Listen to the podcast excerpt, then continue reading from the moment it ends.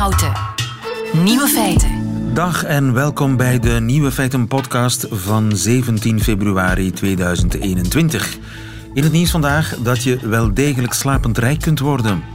Hippe influencers hebben namelijk iets nieuws bedacht: de sleepstream. Van zodra ze in hun bed kruipen om te slapen, zetten ze een livestream aan. En jawel, die streams worden massaal bekeken. Een van de bekendste sleepstreamers is Asian Andy. Een 26-jarige jongeman uit LA die op een week tijd makkelijk 16.000 dollar verdient. Hij maakt het dan ook extra spannend, want kijkers kunnen betalen om Andy wakker te houden. Voor een paar dollar galmt er keiharde muziek door zijn slaapkamer, of blaft er een hond, of gaat de wekker minutenlang af. Kim Jong-un. Okay?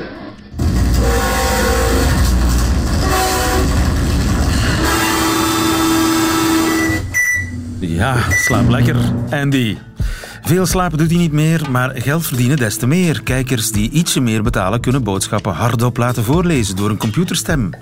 Dat er iemand met een mes voor zijn raam staat, bijvoorbeeld. Check the window, bro. Your window next to you, bro. Look.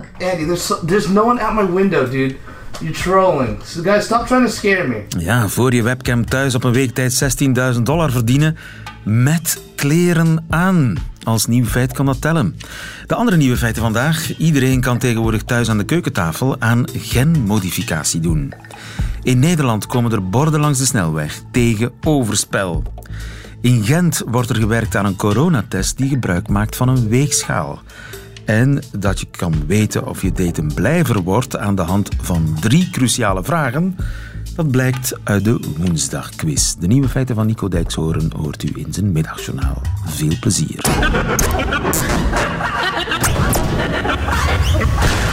Nieuwe feiten. Er is een eh, woord blijven hangen bij mij na de uitzending van vorige vrijdag, met name biohackers. De Zwitserse geleerde David Weisbrot die had het erover. Hij bestudeert namelijk zwerf-DNA in onze rivieren. Dat is een soort afval, DNA-afval, afkomstig onder meer van de farmaceutische industrie, maar ook dus van biohackers. En dat blijken mensen te zijn die thuis aan genetische manipulatie doen. Tenminste, dat zei die Zwitserse geleerde in zijn beste Nederlands. U kunt uh, genmodificatie te huis doen en het is een uh, biohacker community en uh, u kunt uh, genmodificatie te huis doen. Ik weet niet waarom, voor welke Dat zijn freaks die dat doen, biohackers. Ja, inderdaad, als met computers ook. David Weisbrood in Nieuwe Feiten vorige vrijdag. Hetty Helsmoortel, goedemiddag. Goedemiddag, lieven. Je bent moleculair bioloog. Je kunt kennelijk creatief zijn met CRISPR. Ja, klopt. um, er bestaan uh, ja, kitjes online om uh, zelf thuis aan de keukentafel met CRISPR aan de slag te gaan. Maar is genetische manipulatie tegenwoordig een hobby? Ja, wel, het zijn uh, zeker niet allemaal freaks, uh, die biohackers. Het is ook een, een, definitie die namelijk breed is.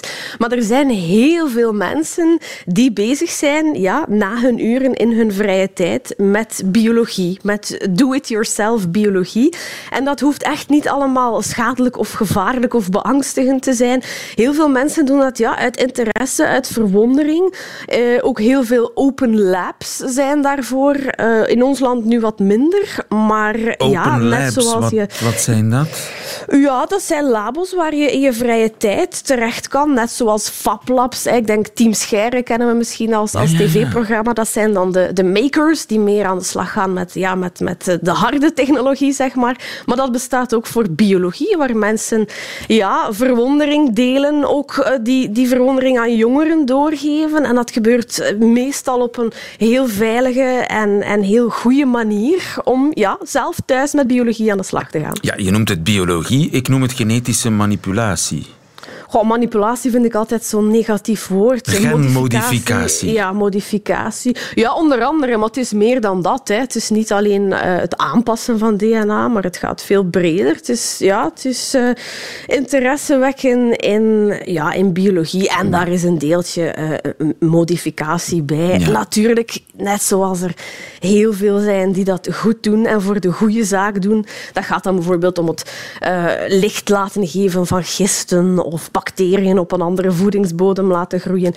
Er zijn wel een aantal freaks die daar, eh, die daar verder in gaan en die misschien wel over een aantal eh, lijnen stappen wat eh, ethiek en, en controleerbaarheid betreft. En geef daar eens een voorbeeld van. Ja, ik denk, uh, er is een heel interessante documentaire op Netflix, Unnatural Selection. Daar gaan een aantal mensen aan de slag. Er is bijvoorbeeld een hondenfokker die lichtgevende honden op de wereld wil zetten. Hij vindt dat dat een, een fenomeen is dat we nog tekort hebben. En hij gaat zelf in zijn tuinhuis aan de slag met, uh, met sperma van honden om dat te proberen licht te laten geven. Hij probeert daar een gen in te steken van een lichtgevende kwal. Dat zijn dingen waar ik toch ja, vragen bij heb. Er zijn ook een aantal biohackers die zich een beetje, ik denk, in de steek gelaten voelen door ja, de klassieke farma-industrie en die vaak met een, een, medische opleiding hoor, zelf aan de slag gaan met uh, virussen of, of medicijnen waarvan zij denken dat het bijvoorbeeld hun AIDS of een HIV kan genezen. Daar zijn ook een aantal doden al meegevallen, dus ook daar is de vraag, ja, waar ligt de grens met de veiligheid? Um, er zijn een aantal uitwassen van mensen ja, die bezig zijn met dingen waar we vragen moeten bij stellen. Maar het overgrote meerderheid van de biohackers die, ja, die, zijn, die zijn niet op die rand aan het ageren. Maar wat mij vooral zo verbaast is dat je kennelijk geen al te geavanceerd laboratorium nodig hebt om lichtgevende honden te kweken.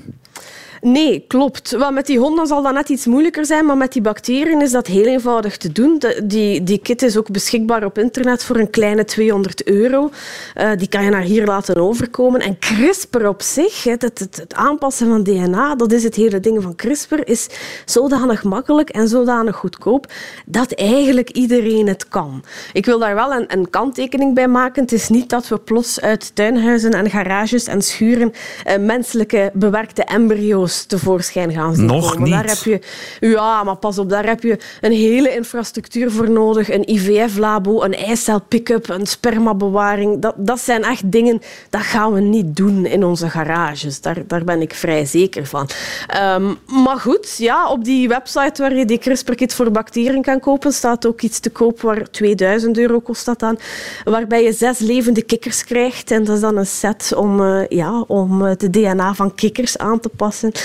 Dat is toch iets wat we, ja, denk de komende jaren uh, ja, een beetje in de gaten zullen moeten houden. Ja, het DNA van kikkers aanpassen. En wat, uh, hoe gaat die aangepaste kikker er dan uitzien?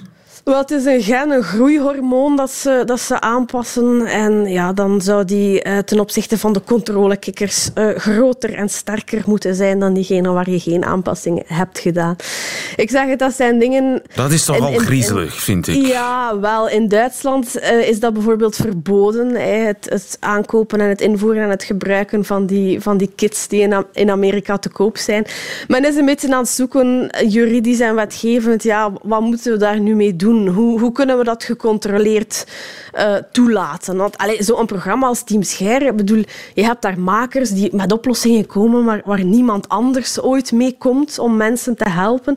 Ik geloof echt dat uit die biohacking community dat er ook inzichten en processen kunnen komen die dan eventueel later in samenwerking met een universiteit of een bedrijf verder uitgewerkt kunnen worden. Dus die, die verwondering, daar zijn ook competities voor wereldwijd trouwens, om dat te stimuleren. Dus dat zou ik graag behouden. Maar er zijn altijd een aantal uitwassen mogelijk en ja, daar, daar moeten we toch, uh, daar moet toch eens naar gekeken nadenken. worden. Inderdaad. En dat DNA-afval waar uh, dokter Weisbrood het over had, namelijk dat dat soort zwerf-DNA in het afvalwater terechtkomt en misschien ja, trouwt met een bestaande bacterie en zo een resistente, antibiotica-resistente bacterie oplevert, ja, dat kan misschien een neveneffect zijn van al dat ja, goed bedoelde goed dat daar, gebiohack. Ja, voilà. Is goed dat daar onderzoek naar gebeurt. En, maar heel veel biohackers die, die, die volgen alle veiligheidsrichtlijnen, ook qua afvalbeheer en zo. Maar wat moet je maar, met dat uh, afval doen dan?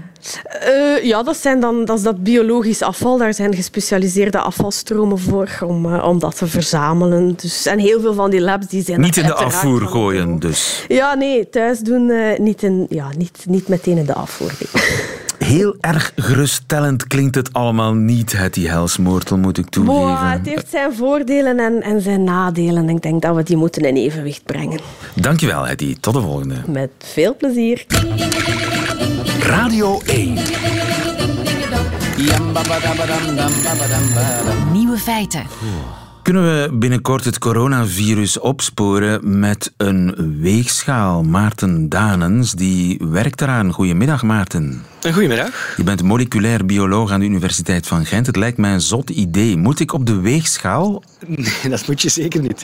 Het is niet de mensen zelf die we wegen, maar de eiwitten van het virus waar we op zoek naar zijn. Eiwitten van het virus moeten op de weegschaal.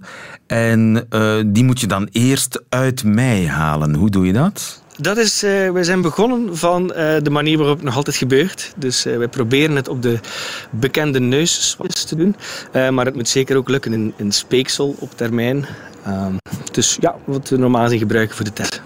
En eiwit met virus of eiwit zonder virus, dat maakt een verschil op de weegschaal? Wel, vooral de, de achtergrond. Eh, dus het heeft eventjes geduurd voor we erin slaagden om in zo van die neusswaps waarvan allerlei dingen in zitten, het virus eruit te halen of te herkennen. Ehm, en dat is dus nu eh, aan het lukken. En daarom zijn we wel redelijk zeker dat we gaan kunnen helpen met de testen. Ja. En dus je haalt eerst het virus uit het speeksel of, of het, het stukje slijm en dan gaat dat virus op de weegschaal. Ja, eigenlijk eh, bestaat een virus uit RNA, eiwitten en wat vetten. En eh, alle tests nu die gaan kijken naar het RNA. En het leek ons geen gek idee om ook eens naar de eiwitten te gaan kijken. En, eh, en die kunnen we dus apart uithalen en zo gaan wegen op onze massaspectrometer, zoals de weegschaal heet. Dat is een, een weegschaal die zo gevoelig is dat ze moleculen kan wegen. Ja, omdat uh, elk molecuul eigenlijk bestaat uit andere bouwsteentjes. En zeker in het geval van eiwitten. En zo kunnen we dus unieke handtekeningen zien die, uh, die, die tonen waar het eiwit vandaan komt. Bijvoorbeeld van een coronavirus. Ah ja, dus je haalt eiwitten uit mijn speeksel. Is dat ingewikkeld? Duurt dat lang? Um, de, manier waarop wij het eerst hebben geprobeerd is heel eenvoudig. Uh, dat kan op, uh, op 10 minuutjes. Nu uh, zijn we, om hem gevoeliger te maken, de test, eh, wordt het iets complexer. Maar ik denk dat we nog steeds binnen het half uur daar moeten in slagen. Dus het zou op termijn een soort betrouwbare sneltest moeten opleveren? Niet zozeer een sneltest. Die sneltest die, die kijken ook vaak naar de eiwitten. Maar die doen dat ter plekke op een klein plaatje. Wij hebben wel nog steeds dat instrument nodig. Maar dat staat eigenlijk al in veel uh, in hospitaals. En, uh, en, je kan er veel meer mee doen dan enkel corona detecteren. Dus als de corona uh, voorbij is, de pandemie, dan kunnen die instrumenten voor heel veel andere dingen worden gebruikt ook. Wat kun je nog allemaal wegen? uh, elk eiwit van elke ziekte of elk eiwit in uw lijf. Uh, we zijn al eens aan het kijken of we misschien andere virussen, zoals griep of zo, ook meteen kunnen meenemen in diezelfde test. En de eerste resultaten zijn, uh, zijn zeer positief.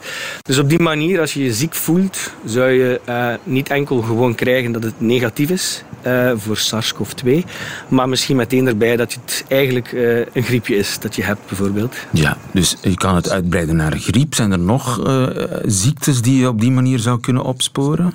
Ja, er is op zich uh, weinig, weinig limiet aan, uh, aan wat we kunnen. Opnieuw omdat elk virus net anders is, omdat die andere eiwitten heeft.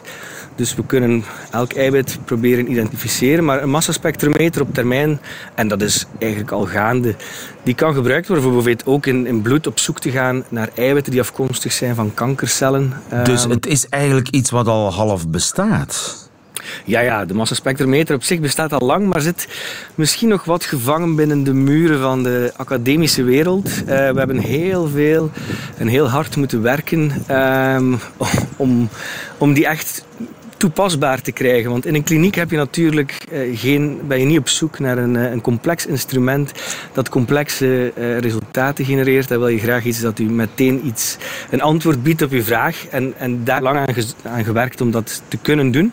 Ik denk dat we daar nu, zeker in dit geval, voor het detecteren van, van SARS-CoV-2, van corona, dat we daar wel ongeveer zijn. Dus nu kan een massaspectrometer relatief eenvoudig resultaten uitspuwen waar je geen doctoraat voor nodig hebt om, om uit te lezen.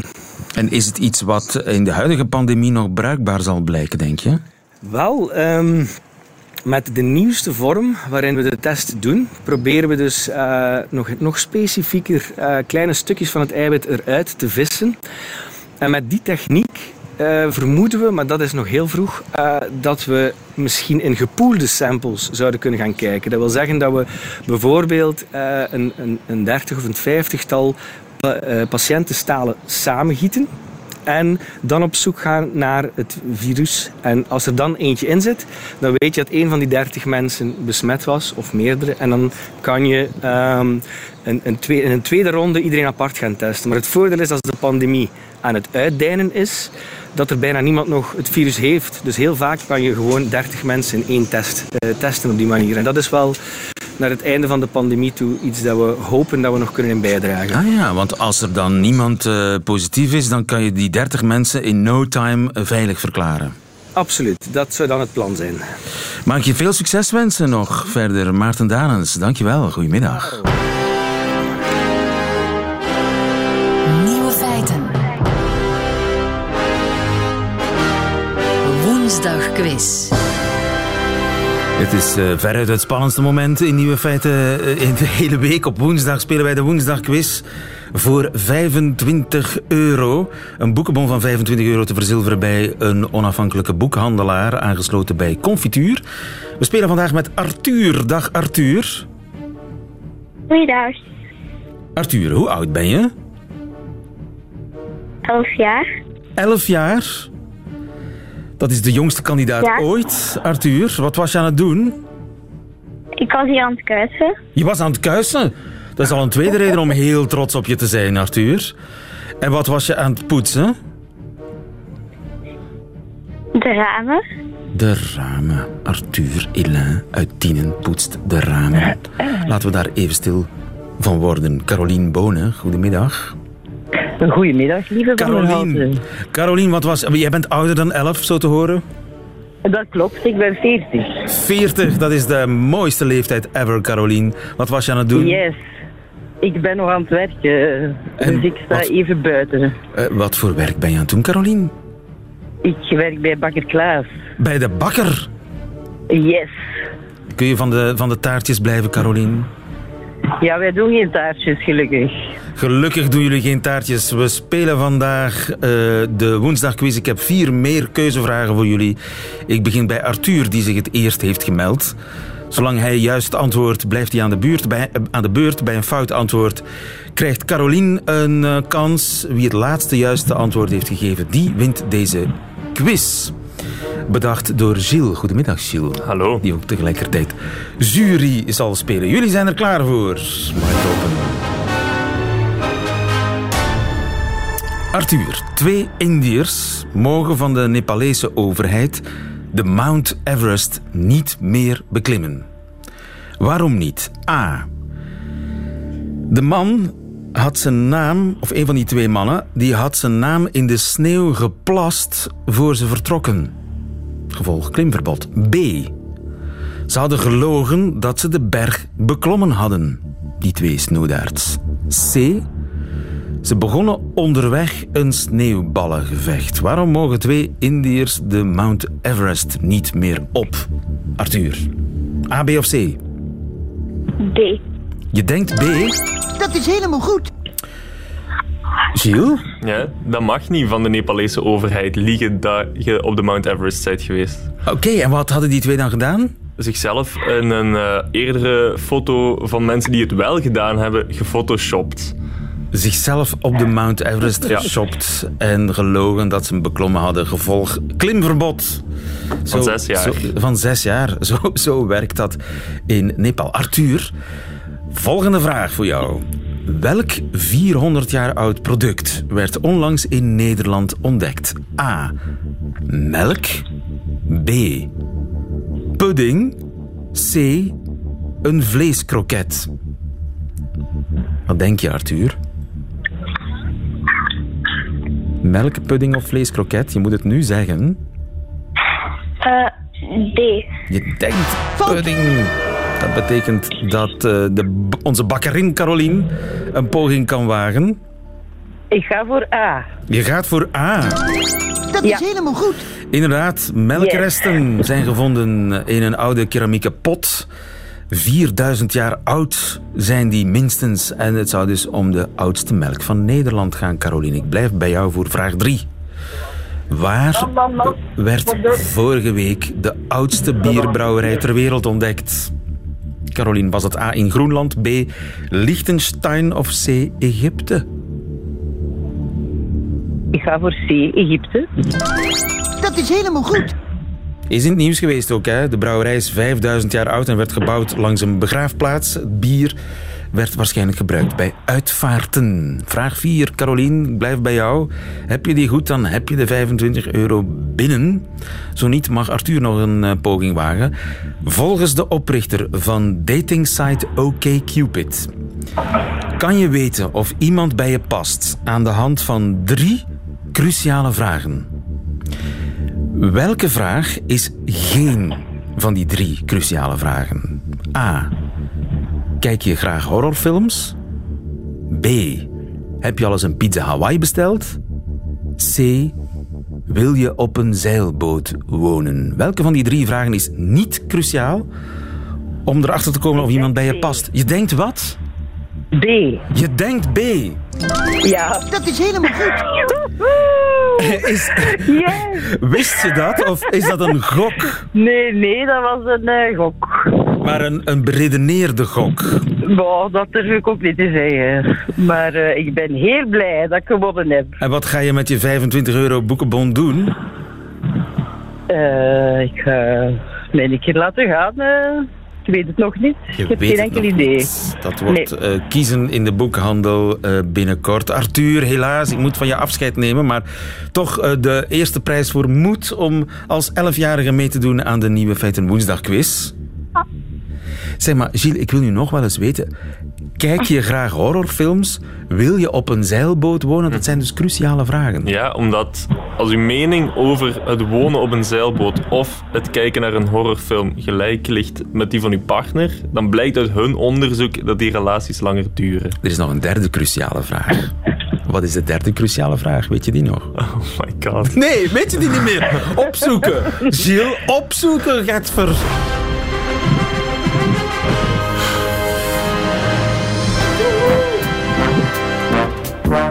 Nieuwe feiten. Ja, best things in life are free and the second best things are very expensive. Wie zei dat ook alweer? Ik denk Coco Chanel. Give me the simple life, Beverly Kenny. Hou je van horrorfilms? Is een cruciale vraag bij het bepalen of iemand bij je past. Eh, wil je graag op een onbewoond eiland wonen? Of nee, ben je- ga, je, ga, je, ga je graag zeilen? Nee, woon je graag op een... eh, ga je... Lala, Ik ga het niet zeggen. Gooi je al- graag alles weg en ga je dan graag op een zeilboot wonen? Op een zeilboot wonen? En wat is de derde cruciale vraag? Ben je ooit alleen op reis naar het buitenland geweest? De opluchting is groot, Gilles. Dank je Helemaal. wel. En als u over een paar weken weer de grens over mag met Nederland, dan moet u vooral niet schrikken van de grote reclameborden langs de snelweg. Borden tegen overspel. Arnoud Proos, goedemiddag. Goedemiddag. U bent kandidaat Kamerlid van de SGP, de dat staatkundig gereformeerde partij. Ja. En u zit achter die campagne, geloof ik, hè? Ja, ik ben betrokken geweest bij de uitwerking inderdaad. En dat eh, dat- met veel plezier, kan ik zeggen. Eh, Maar het was niet uw idee. Nee, wat er eh, in Nederland speelt is dat er al langere tijd best wel agressieve reclamecampagnes zijn van aanbieders van overspelreclame. Ehm, Overspelreclame? met- ja, met eh, teksten als eh, bent u gelukkig getrouwd? Eh, ik ook, begin nu een affaire. En die richten zich dus eigenlijk nadrukkelijk op mensen met een relatie. waarbij ze zeggen van nou, als je bij ons een avontuurtje begint, dan kunnen we het allemaal wat spannender maken. Maar wat ze er niet bij vertellen is dat je even later op de rokende puinhopen zit. Ja, en dat zijn dus bedrijfjes, datingsites, die zich specialiseren in wat wij in Vlaanderen noemen naast de pot pissen. Ja, ja, ja. En wij vinden het ehm, eh, niet zo kies eh, dat er bedrijven zijn die daar dus hun geld mee verdienen. En- Zeker omdat de maatschappelijke schade best wel groot is. En die voeren een nogal agressieve reclamecampagne. En toen dachten jullie van de staatkundige gereformeerden... wij kunnen ook een campagne organiseren, een reclamecampagne. Ja, we hebben eigenlijk gezegd van nou, hoe, zou, hoe leuk zou het zijn om ze op eigen terrein te bestrijden. Eh, die billboards van hun, die zijn heel veel mensen een doorn in het oog. Niet alleen bij onze eigen kiezers, maar best wel eh, breed. Zeker als mensen daar eh, zelf pijn door hebben geleden. En we dachten nou, het is tijd voor een frisser geluid. Een positief geluid om trouw aan te moedigen. En daarom hebben we drie ontwerpen bedacht waar mensen de komende dagen nog op kunnen stemmen. En uh, die willen we dan langs de snelwegen laten hangen. Aha, dus ik mag mee bepalen wat er op die borden komt. Ja, en een van de ontwerpen is bijvoorbeeld zin in een one life stand in plaats van een one night stand. En dan met een mooie foto van uh, ja, twee intieme handen in elkaar met een mooie trouwring eromheen. Want dat zin is wel een in een beetje... one life stand, dat is goed gevonden. En wat, is de, wat zijn de andere twee? De volgende is iemands liefde of iemands grootste geheim. Ik ga voor trouw.nl en dat is met twee emoticons. Dat is meer gericht op uh, jongeren. Eén emoticon met uh, hartjes eromheen. En eentje met een aapje met de handen voor de ogen. Dus eigenlijk van nou, dit, dit wil je helemaal niet. En de laatste is uh, wat braver. en dat is een, een afbeelding van een echtpaar die bij de zonsondergang bij zee staat. En daar staat bij partnersvoorhetleven.nl. De eerste over One Life Stand, uh, ja, die is wat, wat prikkelender opgezet. En die krijgt tot nu toe ook met stip de meeste stemmen. Oké. En dat kost natuurlijk wel veel geld, hè, zo'n reclamecampagne. Nou ja, goed, je moet er wel een paar duizend euro voor over hebben om het te laten ontwerpen, inderdaad. Maar vervolgens uh, willen we ook tegen het publiek zeggen van, nou ja, als u zin hebt in een positiever geluid, uh, waarbij je trouw en liefde wordt aangemoedigd, dan, uh, dan mag u dit steunen. En we hopen dat we dan op ja, misschien wel tien plaatsen in Nederland zo'n groot billboard langs de weg kunnen zetten. Ja, dus het is ook een soort van crowdfunding die eraan verbonden ja. is? Klopt, ja. Ja, ja, we willen dit echt samen met het publiek doen. Het is, uh, we willen laten zien dat het niet zomaar een idee is van uh, een politieke partij, maar dat er een brede groep van mensen in de samenleving is die zegt van uh, wij vinden het niet oké dat bedrijven geld verdienen met het stuk maken van relaties. Aan de andere kant, de meeste mensen weten natuurlijk wel dat bedrog zo goed als altijd in tranen eindigt en toch doen ze het. Ze kunnen zich niet beheersen. Zal zo'n reclamebord hen wel tegenhouden? Nee, we geloven niet dat zo'n reclamebord het enige is wat het, uh, wat het tegenhoudt. Maar we geloven wel dat het uh, nou, tijd is ook in de samenleving om elkaar aan te moedigen. Dat het de moeite waard is om bij elkaar te blijven. Uh, niet alleen in de eerste fase van verliefdheid, maar ook als je samen kinderen krijgt. Het is het mooiste geschenk voor kinderen als hun ouders trouw blijven aan elkaar. Dat... Dus dat is eigenlijk het positieve geluid wat er voor ons uh, achter zit. Goed, uh, we bouwen een link met onze website zodanig als mensen zich aangesproken voelen en willen meewerken, stemmen of wat dan ook, dan uh, kunnen ze jou vinden. Arnoud Proost, dankjewel. Goedemiddag. Graag gedaan, dank u wel. Ziezo, dat waren ze, de nieuwe feiten van 17 februari 2021. Alleen nog die van Nico Dijkshoorn krijgt u in zijn middagjournaal. Nieuwe feiten. Middagjournaal. Beste luisteraars, gisteren werd door een uitspraak van een Nederlandse rechter de avondklok per direct ongeldig.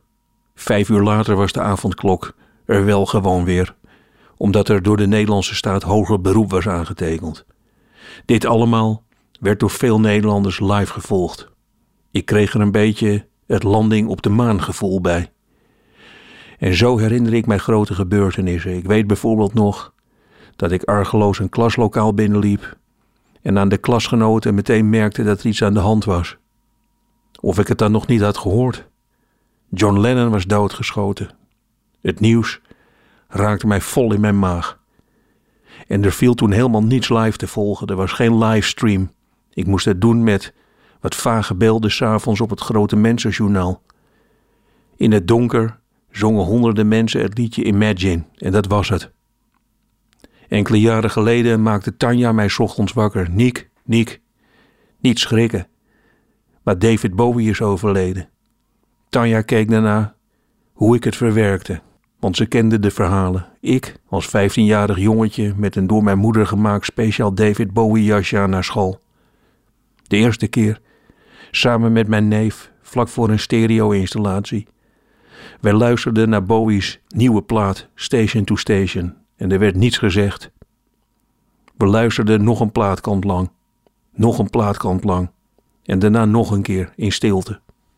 Toen Bowie overleed, had ik helemaal geen zin om het verdriet te delen met 136 miljoen mensen op Facebook, Instagram en Twitter. Ik ben een uurtje in mijn bed blijven liggen en ik dacht aan het liedje Five Years van David Bowie. Hij zong over heel ander nieuws dan de avondklok. Bowie zong over een planeet die nog maar vijf jaar had te gaan. Na gisteren heb ik het idee dat de stille verwerking langzaam verdwijnt. Als overmorgen Elton John overlijdt, daar sluit ik het niet uit dat we met een webcam kunnen kijken welke bril hij op heeft als de eerste schep aarde op zijn kist valt. En dat miste ik gisteren, nuchterheid. Is een keertje niet live de rechtszaak kunnen volgen. Een keertje niet live meelopen met de ministers. Ik had graag wat tijd gehad om zelf na te denken over die krankzinnige hang naar vrijheid. Luisteraars, dit is wat ik dacht. Hoe gaan wij, de vluchtelingen die nu al jaren op Lesbos in een tent wonen en die per week drie uur naar buiten mogen, uitleggen dat Nederland wankelt als de avondklok wordt gehandhaafd? Wat moet ik ze zeggen? Ja, jullie hebben het ook niet makkelijk, zonder riolering en zo. Maar wij in Nederland, wij vechten keihard voor ons recht om na 11 uur 's avonds nog een beker ijs te kunnen kopen in een nachtwinkel.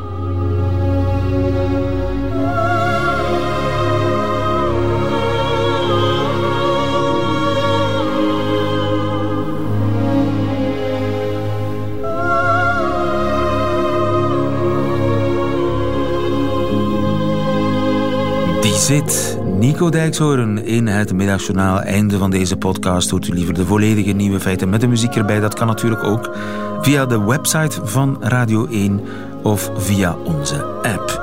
Daar vindt u overigens nog veel meer Radio 1 podcasts. Tot een volgende